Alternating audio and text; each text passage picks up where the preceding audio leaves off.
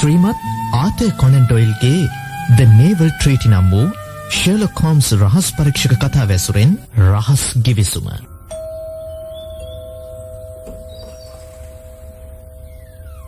Good මෝනිින් doctor Watson මොකද මේ උදේ පාන්දරම Good morning, Mrs. Hudson. කෝ මිට. හෝම්ස් ගෙදරින්නවාද? ඉන්නවා ඉන්නවා පරීක්ෂණාගාරයට වෙලා මොකක්දෝ වැඩක් කරනවා. කොහොම මැතුලට එන්නකෝ මංගේල. ආ අර ඉන්නේ හෝම්ස් ආ වොට්සන් ඕම ටිකක් වාඩි වෙලා ඉන්න. තව සුළු වෙලාවකින් මං එනවා. හා මේ තියෙන පත්තරේ.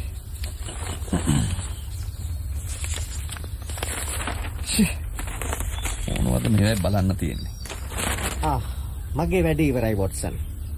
පොඩි සටහන් කීපයක් ලිව්වම මේ කාරණේ හමාරයි.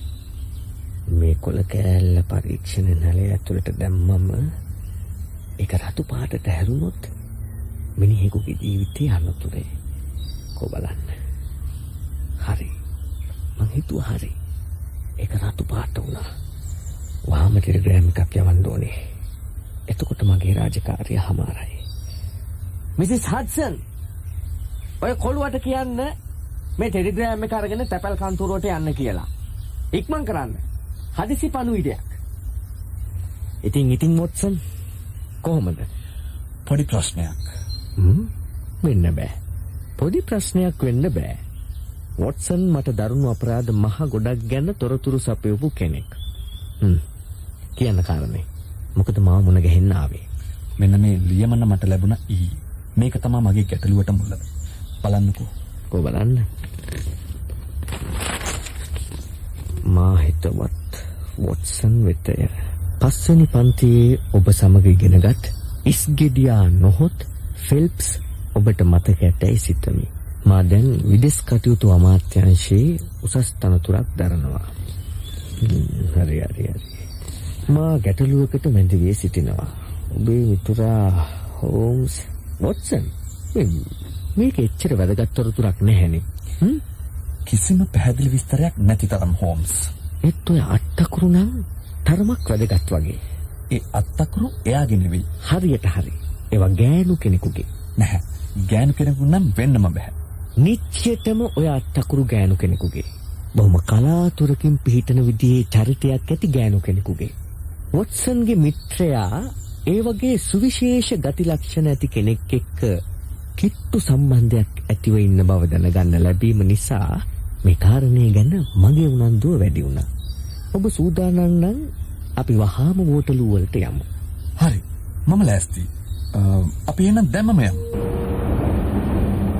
ස්ටේෂන් එකේ ඉඳලා ඔය යාළුවාගේ ගෙදරට ලොකු දුරක් නැහැ කියලායි මගේ හිතේ. කලින් ඇවිත් පුරුද්දක් නැති නිසායි අස්ස කරත්තෙන් මේ ටික දුර එන්න යෝජනා කළේ. ඒත් හෝම්ස් මගින් බහිමු කිව්වේ ඇයි කියලා මට හිතා ගන්න බැරි වුණා. මට ටිකක් වටපිටාව බලා ගන්න හිතුණා වොට්සන්. අර බලන්න. අර තියෙන්නේ බ්‍රිය බ්‍රී මන්දිරය වෙන්න ඕන. හරි. ඔය නාම පුවරුකුත් තියෙන්නේ. ඔව් මේක තමයි තැන. අපි ගිහිල්ලා සීනුනාද කරලා බලමු. ආ මේ මහත්තුරු මේ කවුරු මුණ ගැහෙන්නද? සමා වෙන්න. මම පර්සි ෆෙල්ප්ස් මහත්තයාගේ යාළුවෙක්. මට එන්න කියලා ලියමනක් එවලා තිබුණා. ආ ඔබ එහෙනම් ඩොක්ටර් වොට්සන් වෙන්න ඕනේ. එන්න එන්න. උදේ ඉඳන්ම පර්සි ඔබ ගැන විපරම් කරනවා. මේ මගේ මිත්‍රයා මිස්ටර් හෝම්ස්. සතුටුයි දැනගන්න ලැබුණට. හොඳයි. දෙන්නම එන්න ඇතුළට. අපට මේ කාරණය ගැන වැඩි තොරතුරක් තවම දැනගන්න බැරි වුණානේ. ඔබත් මේ පවුලේ සමාජිකයෙක් නෙවෙයි වගේ. මගේ මේ සාක්කුවේ මහලා තියෙන ජේ අකුරු දෙක ඔබ දැක්කා වගේ. මම ජෝසප් හැරිසන්. පර්සි කසාද බඳින්න යන්නේ මගේ නංගි. එයාගේ නම ඇනි. ඇනි හැරිසන්. එහෙම බැලුවම ඉතින් මමත් මේ පවුලේ නෑයෙක් තමයි. අපි ඉක්මනට යමු පර්සිගේ කාමරයට. ආ ඔය විසිත්ත කාමරයට අල්ලපු කාමරේ තමයි පර්සි. එන්න. ආ මෙහෙන් එන්න. මෙහෙන් එන්න. පර්සි පර්සි ඔයා බලාපොරොත්තුෙන් හිටිය යාළුවෝ දෙන්න ඇවිත්. යන්න. යන්න ඇතුළට. මම එහෙනම් මෙතනින් නතර වෙනවා. හල්ලෝ වොට්සන් කොහොමද ඔය උඩු රැවුල නිසා බැලූ බැල්මට වොට්සන්ව අඳුනගන්නත් අමාරු වුණා. මගේ හිතේ මේ ඉන්නේ ඔබේ ප්‍රසිද්ධ මිත්‍රයා මිස්ටර් ෂර්ලොක් හෝම්ස් වෙන්න ඕනේ. Um, ඔව් ඔව්.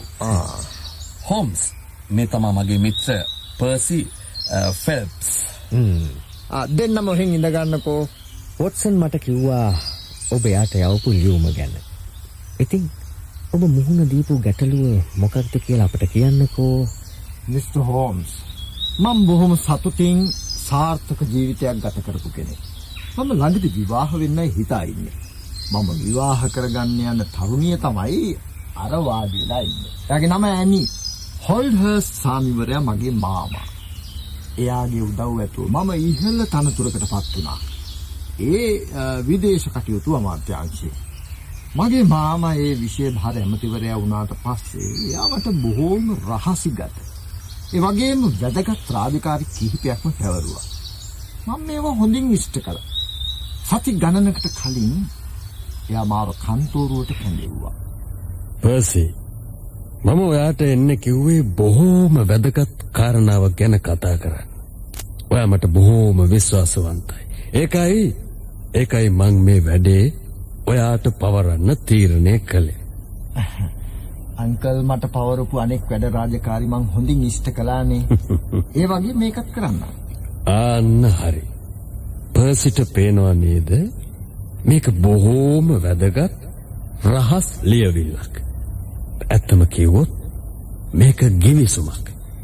එංගලන්ත රජයත් ඉතාලි රජයත් අතරේ අත්සන් කරපු ගිවිසුමක්. ආහා. මේ ගැන නොයෙක් කටකතා පැතිරුණා පුතා. ඔව් ඔව්. පත්තරවල නොඑක් දේවල් පළ වුණා තමයි. කවුද ඒව ගණන් ගන්න? පත්තරකාරයන්ගෙන් බේරෙන එක අමාරු වැඩක් නේ. ඒක ඇත්ත. ඒත් අපි ප්‍රවේසම් වෙන්න ඕනේ මේකේ සඳහන් කිසිම දෙයක් වෙන කිසිම කෙනෙක් දැනගත යුතු නැහැ. පුතාට තේරුණානේ? ඔව් මට තේරුණා. මේකේ තියෙන දේවල් ගැන දැනගන්න ප්‍රංශ ආණ්ඩුවයි රුසියන් ආණ්ඩුවයි ලොකු වෑයමක් ගන්නවා. ඕනේ තරම් මුදල් වියදම් කරાવી මේ වැඩේ කරගන්න. මේ ගිවිසුම මම කැබිනට් එකෙන් එළියට ගන්නවත් නෑ. ඒත් පර්සි මට මේකේ තව පිටපතක් ගන්න ඕනේ. ඔබට කරන්න තියෙන්නේ මේක පිටපත් කරන එක විතරයි. ඒක මං කරන්නම්. හ්ම්. මේ ගිවිසුම අරගෙන ගිහින් පර්සිගේ කැබිනට් ලාච්චුවේ දමලා ලොක් කරන්න. මම අනිත් අයට කියන්නම් පර්සි රෑ වෙනතුරු වැඩ කරනවායි කියලා. වැඩේ ඉවර වුණාම මුල් ගිවිසුමයි පිටපතයි දෙකම කැබිනට් එකට දාලා ලොක් කරන්න. හෙට උදේ මට ලියවිලි දෙකම බාර දෙන්න. හ්ම්? හොඳට තේරුම් ගන්න. මේක බොහෝම රහසිගත වැඩක්. මට තේරුණා අංකල්. මම පරිස්සමෙන් වැඩේ කරන්නම්කෝ. හෙට උදේ වෙනකොට ලියවිලි දෙකම අංකල්ට ලැබේ. හිත කරදර කරගන්න එපා. මිස්ටර් පර්සි මට මොහොතක් ඉඩ දෙන්න. ඔබත් ඔබේ මාමත් අතරේ ඔය කතාව කෙරෙද්දී තව කවුරුවත් එතන හිටියද? මමයි මගේ මාමයි විතරයි ඒ කාමරේ හිටියේ. ඒක විශාල කාමරයක්ද? දිග පළල දෙකෙන්ම අඩි 30 බැගින් තියෙන කාමරයක්. හ්ම්. කාමරේ හරි මැද ඉඳගෙනද කතා කළේ. ඔව්. ඒ හැටි තමයි. ආ. කතා කළේ පහත් හඳින්ද? මගේ මාමා සාමාන්‍යයෙන් පහත් හඬින් කතා කරන කෙනෙක්. මම කතා කළෙත් එහෙම තමයි. හ්ම්. බොහොම හොඳයි. දැන් මිස්ටර් පර්සි කතාව කියාගෙන යන්නකෝ. ඉතින් එදා හවස කන්තෝරුවේ හැමෝම පිට වෙලා ගියාට පස්සේ ඒ ගිවිසුම පිටපත් කරන වැඩේ පටන් ගත්තා. මට ඒක ඉක්මනින් ඉවර කරන්න ඕන වුණා. ඇයි? විශේෂ කටයුත්තක් යෙදිලා තිබුණාද? ඔව් අ, ටිකකට කලින් මිස්ටර් හෝල්ස් මුණ ගැහුණු මිස්ටර් හැරිසන් 11 කෝච්චිය එනවා කියලා දැනුම් දීලා තිබුණා. මම එයා මුණ ගැහෙන්න යන්නයි හිටියේ. මම රෑ වෙනතුරු වැඩ කරන නිසා කෑම ටිකකුත් කාලා ආපහු මගේ කාන්තෝරු කාමරේට ආවා. ඒ කියන්නේ ඔබ කෑම කන්න බැහැරට ගියා කියන එකද? මම ආපහු වෙනකොට එයත් පිට වෙලා ගිහින්. හ්ම්. කිවිසුම එළියට අරගෙන කියවලා බලන්න. වැඩේ තියෙන බැරෑරුම් කම මට වැටහුණා. මොකක්ද ඔබ අදහස් කළේ? එංගලන්තයයි ස්වීඩනයයි නෙදර්ලන්තයයි අතර ඇති වුණු ත්‍රිපාක්ෂික ගිවිසුමකට අදාළව එංගලන්තයේ තත්ත්වය මොකද්ද කියන කාරණේ ඒකේ විග්‍රහ කරලා තිබුණා.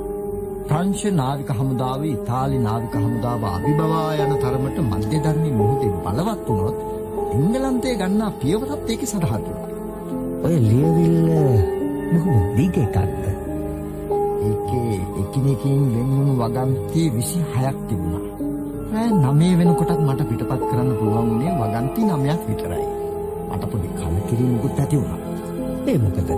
මට පෙනුණා 11 කෝච්චියේ එන අර හැරිසන්ව මුණ ගැහෙන්න බැරි වෙන බව. ඉතින් ඔබ මොකද කළේ? පඩිපෙළ පාමුල තිබුණු පොඩි මුර කුටියේ මුරකාරයෙක් හිටියා. ඒ මුරකාරයා ගෙන්න ගන්න මම සීනිව නාද කළා. ඒත් ආවේ අර පුරුදු මුරකාරයා නෙමෙයි. එහෙනම් කවුද ආවේ? රළු මූණක් තියෙන මැදි වයසේ ගෑනු කෙනෙක්. ඒ මනුස්සයා මුරකාරයාගේ භාර්යාව කියලා කිව්වේ. මම යාට කිව්වා කෝපි එකක් ගෙනත් දෙන්න කියලා. ඉතින් කෝපි බීලා නිදිමත ගතිය නැති වුණාම දිගටම වැඩ කළාද? කෝපි එක ගෙනෙයි කියලා හිතාගෙන මම තවත් වගන්ති දෙකක් පිටපත් කළා. කෝපි එක ලැබුණේ නැහැ. නිදිමත ගතිය වැඩි නිසා මම වැඩ නවත්තලා කාමරය ඇතුලේ ටිකක් සක්මන් කළා. කෝපි එක ප්‍රමාද ඇයි කියලා බලන්න මම කාමරෙන් පිටට ඇවිත් අඩාඳුරේ තිබුණු කොරිඩෝව දිගේ ඉදිරියට ගියා. කොරිඩෝව කෙළවර වුණේ රවුම් පියගැට පෙළකින්. පියගැට පෙළේ මැද හරියේ පොඩි පීතිකාවක් තිබුණා. එතනින් දකුණු අතට විහිදෙන තවත් පියගැට පෙළියකුත් තිබුණා. ඒක දිගේ ගියොත් ඒ පැත්තේ පිට වෙන දොර දක්වා යන්න පුළුවනි. ඒක පාවිච්චි කළේ සේවකයෝ. මෙන්න මේ සටහනේ ඒ කොරිඩෝවේ පියගැට පෙළේ පිහිටීම දක්වලා තියෙනවා. මේ සටහනේ. මං මේ සටහන තියාගන්නම්. ඒක මට ප්‍රයෝජනවත් වෙයි. මිස්ටර් හෝම්ස් දැන් මම කියන කාරණේ බොහොම වැදගත්. මං පියගැට පෙළ බැහැලා ශාලාවට ඇතුළු වෙලා මුරකාරයාගේ කුටියට ගියා. මිනිහා හිටියේ තද නින්නේ. කේතලේ රත් වෙලා වතුර නටමින් තිබුණා. මම ස්පිරිට් ලාම්පුව නිවලා මිනිහට කූතන්න ලෑස්ති වෙනකොටම මුර කුටියේ තිබුණු සීමුණ හද වෙන්න පටන් ගත්තා. මිනිහා තිගැස්සිලා නැගිට්ටා. මුරකාරයා කොහොමද ඒ වෙලාවේ හැසිරුනේ? එයා කලබල වෙලා ආවේ ඇයි කියලා මගෙන් ඇහුවා. මම කිව්වා ඕඩර් කරපු කෝපි එක ලැබුණේ නැති නිසා ආවා කියලා. වතුර කේදලේ ලිපේ තියලා වතුර නටනකම් බලා ඉන්න අතරේ නිින්ද ගියා කියලා මුරකාරයා කිව්වා. එතකොට අර නාදුණු සීනු හඬ ඒ සීනුව දිගටම නාද වුණා. මුරකාරයා පුදුමෙන් වගේ මගේ මුණ දිහා බලන් ඉන්නවා. ඒ විදිහට බලා ඉන්නේ ඇයි කියලා මම මුරකාරයාගෙන් ඇහුවා. මේ නාද වෙන්නේ සර්ගේ කාමරේ සීනුව. ඒත් සර් මෙතන කියලා මිනිහා කිව්වා. එතකොට තමයි කාරණේ බැරෑරුම්කම තේරුම් ගියේ. මම කෙලින්ම ආපහු කාමරයට දොර ගියා. කාමරය ඇතුලේ කවුරුවත් හිටියේ නැහැ. එක දෙයක් හැර හැම දෙයක්ම තිබුණු විදිහටම තිබුණා. මට හිතා ගන්න පුළුවනි. හෙත් මේක ඔබේ කටින්ම අහගන්න මං කැමතියි. නාවික ගිවිසුම මගේ මේසුවල තිබුණේ නැහැ. එතන තිබුණේ මං පිටපත් කරපු ලියවිල්ල විතරයි. මුල් ගිවිසුම අතුරුදහන් වෙලා තිබුණා. ඊළඟට ඔබ මොකක්ද කළේ? ගිවිසුම හොරකම් කළ හොරා එන්න ඇත්තේ දකුණු පැත්තට තිබුණු අතුරු පියකට පෙළ දිගේ කියලා මං හිතුවා. කොරිඩෝව දිගේ ආවනම් මට මුණ ගැහෙන්න ඕනනේ. හොරා මුල ඉඳලම ඔබේ කන්තෝරු කාමරේ හැංගිලා හිටියේ නැහැ කියලා ඔබට විශ්වාසද? ඔව් ඔව් 100% විශ්වාසයි. එතකොට අඩාඳුරේ තිබුණයි කියපු කොරිඩෝවේ හොරා හැංගිලා හිටියා කියලා හිතන්න බැරිද? කොහෙත්ම බෑ. කොහෙත්ම බෑ. ඒ කොරිඩෝවේ හැංගෙන්න තැනක් නැහැ. මගේ කලබල ගතිය දැකලා මුරකාරයාත් මගේ පස්සෙන් කාමරයට ඇවිල්ලා තිබුණා. අපි දෙන්නම වීදියේ පැත්තට යන පඩිපෙළ දිගේ ගිහින් දොර ඇරලා බැලුවා. කවුරුවත් හිටියේ නැහැ. එතකොට වෙලාව 10ට කාලයි. කොහොමද ඔබට වෙලාව මතකයට ආවේ? කිට්ටුව තිබුණ ඔරලෝසු කණේ ඔරලෝසු නාද වුණා. ඒක බොහොම වැදගත් කාරණයක්. ඉතින් ඊළඟට ඔබ මොකද්ද කළේ? එදා රැහැ ටිකක් වැස්ස තිබුණා. චාල්ස් වීදියේ කවුරුවත්ම පේන්නේ හිටියේ නැහැ. ඒත් වයිට් හෝල් පැත්තේ වාහන තදබද ගතියක් තිබුණා. මුරකාරයයි මමයි තෙමි තෙමි ඉස්සරහට ගියා. වීදියේ කෙළවරේ පොලිස් රාළහම් කෙනෙක් හිටියා. කවුරුත් එතනින් ගියාද කියලා ඇහුවාම මැදි වයසේ ගෑනු කෙනෙක් එතනින් ගිය බව දැනගන්න ලැබුණා. ඒ තැනැත්තිය කවුරු වෙන්න පුළුවන්ද? ඒ තමන්ගේ භාර්යාව බව මුරකාරයා කීවා. එයා ගැන හොයන්න එපා. එයා මේ වගේ දෙයක් කරන්න විදියක් නැහැ. අනෙක් දොරටුව පැත්තට ගිහිල්ලා බලමු කියලා මුරකාරයා මේ මට බල කරන්න පටන් ගත්තා. එදා රෑ වැස්ස තිබුණයි කිව්වා නේද? අතිසලකුණු මොනවත් තිබුණේ නැද්ද? මිස්ටර් හෝම්ස් අදහස් කළ දේ හරි. පිටින් ඇතුළට එන කෙනෙකුගේ මඩ සහිත පාසලකුණු සටහන් වෙන්න ඕන තමයි. ඒත් ගොඩ නැගිල්ලට එන සේවිකාවන් සපත්තු ගලවලා මුරකුටියේ තියන්න පුරුදු වෙලා තිබුණා. මුරකාරයාගේ භාර්යාවත් ඒ දෙම කරන්න ඇති. කාමරේ ඇතුලේ සීලිම පොළොව යටින් ඇතුල් වෙන මාර්ග එතකොට දුම් කවුරු වගේ තැනුත් පරීක්ෂා කළාද? ඔව් ඔව්. ඒ කිසිම තැනකින් ඇතුල් වෙන්න ක්‍රමයක් නැහැ. සීනු ලනුව තිබුණේ මගේ පුටුව ළඟ දකුණු පැත්තේ.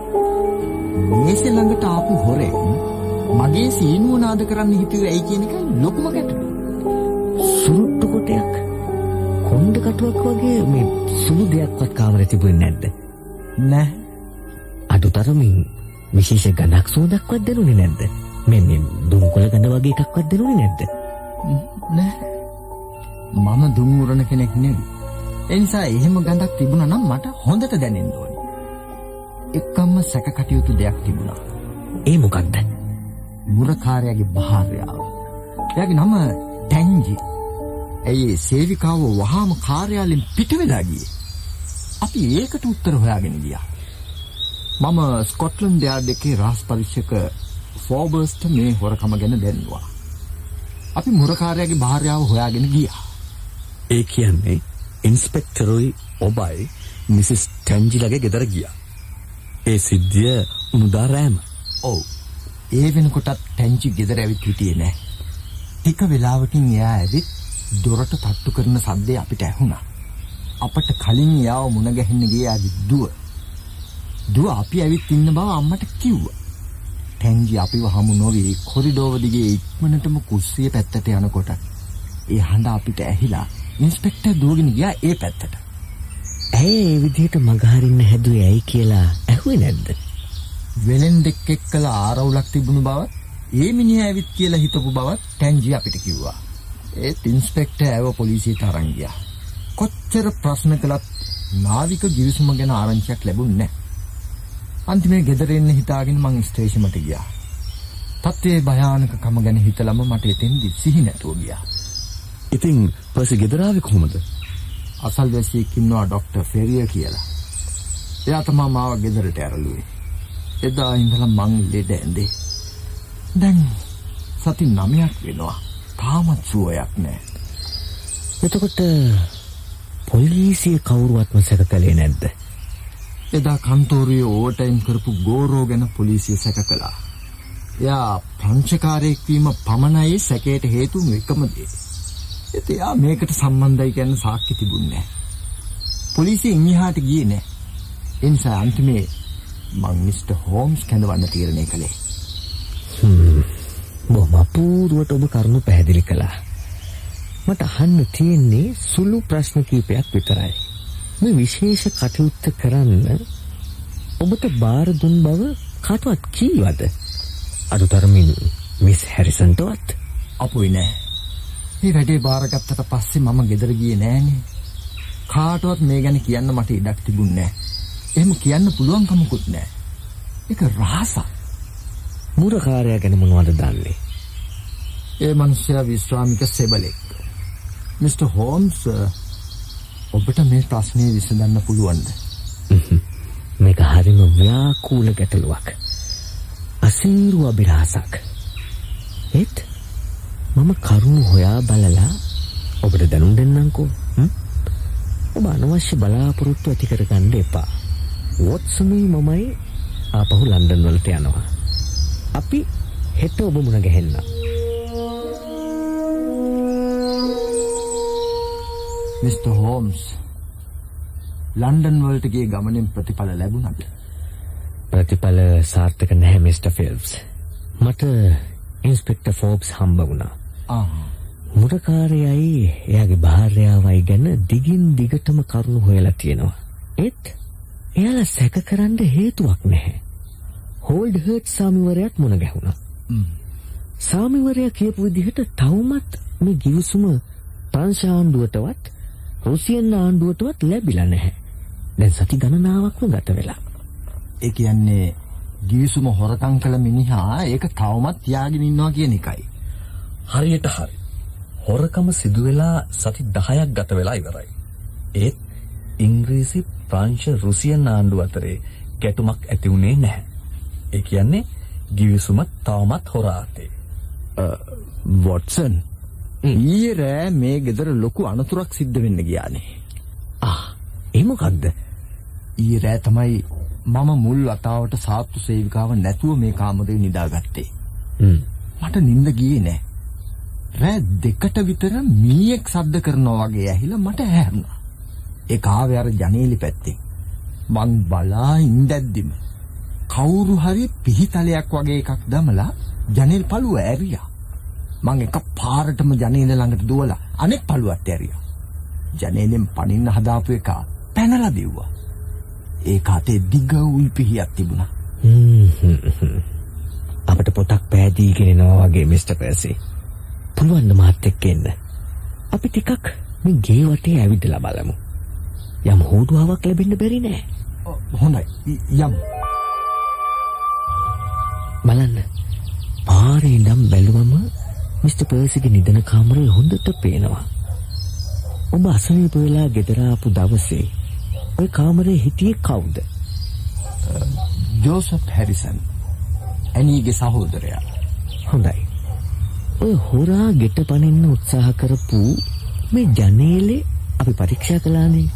එතන මල් පඳුරු එහෙම පොඩි වෙලා තිබුණා. අර අර බලන්න. අර බලන්න මිස්ටර් හෝම්ස් අර ලී වැටේ මුදුන කැඩිලා. ඔතනින් තමයි හොරා වත්තට පනින්න ඇත්තේ. හ්ම්. ඔව්. අපි බලමු. මේක ඊරෑ කැඩිච්ච එකක් වෙන්න බෑ. මේ වැට කැඩිලා තියෙන්නේ සති ගානකට කලින්. අනික කවුරු හරි වැටෙන් බිමට පැන්නනම් එහා පැත්තේ පොළොවේ යම් සලකුණක් තියෙන්නත් ඕනේ. එහෙම දෙයක්වත් නැහැ. මොකද හෝම්ස් කල්පනාවට වැටුනේ? වොට්සන් තත්ත්වය බරපතලයි වොට්සන්ගේ යාළුවගේ ජීවිතයට අනතුරක් නොවෙන්න අපි වැඩ කරන්න ඕනේ මිස්ටර් පර්සි ඔබ අද අපිත් එක්ක ලන්ඩන් යන්න එන්න ඕනේ මේක හරිම වැදගත් තීරණයක් මම එන්න. ප්‍රශ්නයක් නෑ. වොට්සන් ඔබ පර්සිත් එක්කලා ලන්ඩන් ගිහින් අද රෑ බේකර් ස්ට්‍රීට් එකේ අපේ නවාතනේ නතර වෙලා ඉන්න. හෙට මම ඔය දෙන්නව මුණ ගැහෙන්න. හ්ම්? තව එක වැඩක් කරන්න ඕන මිස්ටර් පර්සි. ඒ මොකද්ද? මිස් ඇනි හැරිසන්ට කියන්න ඕනේ ඔබ නැති අතරේ මුළු දවස පුරාම ඔබේ නිදන කාමරයට වෙලා ඉන්න කියලා. රෑට කාමරෙන් පිට වෙනකොට පිටින් දොර අගලු දමලා යතුරු එයා ළඟ තියාගන්න කියන්න. මේ උපදෙස් බොහොම වැදගත්. තේරුණානේ? ඔව් මට තේරුණා. මං ඇනිට කියන්න. Good morning Percy. කොහමද? ඊ රැනින්ද ගියාද? බෝඩි වොට්සන්. මොන නින්දක්ද? මට මතක් වුණේ මගේ මාමා හෝල්ඩ් හර් සාමිවරයා මොන වගේ තීරණයක් ගනීද කියන එක ගැන. මගේ නම්බුව සහ මුලින්ම ඉවරයි. මට පිස්සන් කොටුවේ ලගින්නයි වෙන්නේ. අනේ මන්දා. මට නම් හරි බඩගිනි. මිසස් හඩ්සන් මුණ ගැහිලා උදේට කන්න මොනවා හරි යවන්නේ කියලා මම එන්න. මදැයි. කසාද බඳින්න ඔන්න මෙන්න කියලා හිටපු මගේ ඔළුව උඩ කඩා වැටුණු විපත්තියක හැටි. විදේශ කටයුතු අමාත්‍යංශයේ මගේ රැකියාවෙන් මාව නිරපල දාවේ. ෂි, හරිම නව නින්දියාවක් වුණා. මාව හොරෙක් ගන්නට වැටුණා. ආ අස්ස කරත්තයක් ඒ ළඟ නැවැත්තුවා වගේ. හා හෝම්ස් වෙන්නේ නැති. කොබ්ලන්න. වොට්සන් වොට්සන් මිස්ටර් හෝම්ස් ඇවිත් මං ගිහින් දොර අරින්න. පර්සි ඔහම ඉන්න. හෝම්ස් මේ මොකද? අතට මොකද? ආ, කලබල වෙන්න එපා වොට්සන්. සුළු තුවාලයක්. මිසිස් හඩ්සන්ට කියන්න මං ආවා මටත් එක්ක උදේ කෑම ලෑස්ති කරන්න කියලා. අපි කෑම මේසෙදි කතා කරමු. ෂා මිසස් හඩ්සන් පුරුදු විදිහටම කුකුල් මස් කරේක නොම්මරකට හදලා තියෙනවා. මොනවද වොට්සන්ගේ පිඟානේ තියෙන්නේ? හැම් තියනවා. බිත්තර තියනවා. ඇයි පර්සි බලන් ඉන්නේ? ඔය වැස්මැරලා බලන්න. මොනවද උදේට කන්න තියෙන්නේ කියලා. මට කෑම අපිරියයි මිස්ටර් හෝම්ස්. මට නම් යකෙක් කන්න බඩගිනි. ම්ම් එහෙමනම් ඔය පිඟානේ වැස්ම හක් කරලා මට දෙන්නකෝ. මම මිස්ටර් පර්සිගේ කෑම ටිකක් කන්නම්. මම බොහෝම කැමැත්තෙන් කෑමක ඔබට දෙනවා. ආ, පොඩියක් ඉන්න. මේ වැස්ම හක් කරනකම්. දෙයනේ මේ මේ මොකද මේ පිඟාන මැද්දේ තියෙන්නේ? අපේ දෙයනේ මේ තමන් නැති වුණු නාවික ගිවිසුම මම බේරුණා මම බේරුණා ඔබට බොහොම ස්තුතියි මිස් හෝම්ස් බොහොම ස්තුතියි කොහොමද ඔබ ගිවිසුම හොයාගත්තේ? ඒක හරි අපූරු කතාවක් වොට්සන්. මිස්ටර් පර්සිගේ කාමරයට හොරෙන් ඇතුළු වෙන්න හදපු තැනැත්ත නිසා ගැටලුව පහසු වුණා. වොට්සන් මිස්ටර් පර්සිත් එක්කලා පිටත් කළාට පස්සේ මම රෑ වෙනතුරු නගරෙන් පිට වෙලා හිටියා. අඳුර වැටුණාට පස්සේ මම මිස්ටර් පර්සිගේ ගෙවත්තට ඇතුළු වෙලා නිදන කාමරයට කිට්ටුව තිබුණ අර පඳුරු අතරේ හැංගිලා බලන් හිටියා. මම දැක්ක මිස් හැරිසන් කාමරේ දොර වහලා පිට වෙලා යන හැටි. පාන්දර දෙකට විතර දොරක් කැරෙන සද්දයක් මට ඇහුණා. කවුද එළියට ආවා? මං හඳේලියෙන් දැක්කා ජෝසප් හැරිසන්ගේ මූණ. මොනවා ජෝසප් ඔව් ජෝසප් තමා. කළු ලෝගුවක් ඇඟේ දාගෙනයි මිනිහා හිටියේ. අතේ දිග පිහියකුත් තිබුණා. මිනිහා ඇවිත් නිදන කාමරේ ජනේලෙ අරගෙන ඇතුළට පැන්නා. ඒකම මිනිහා කාමරය ඇතුළේ තිබුණ ඉටි පහන පත්තු කළා. මිනිහා කරන කියන දේවල් ඔක්කොම මම දැක්කා.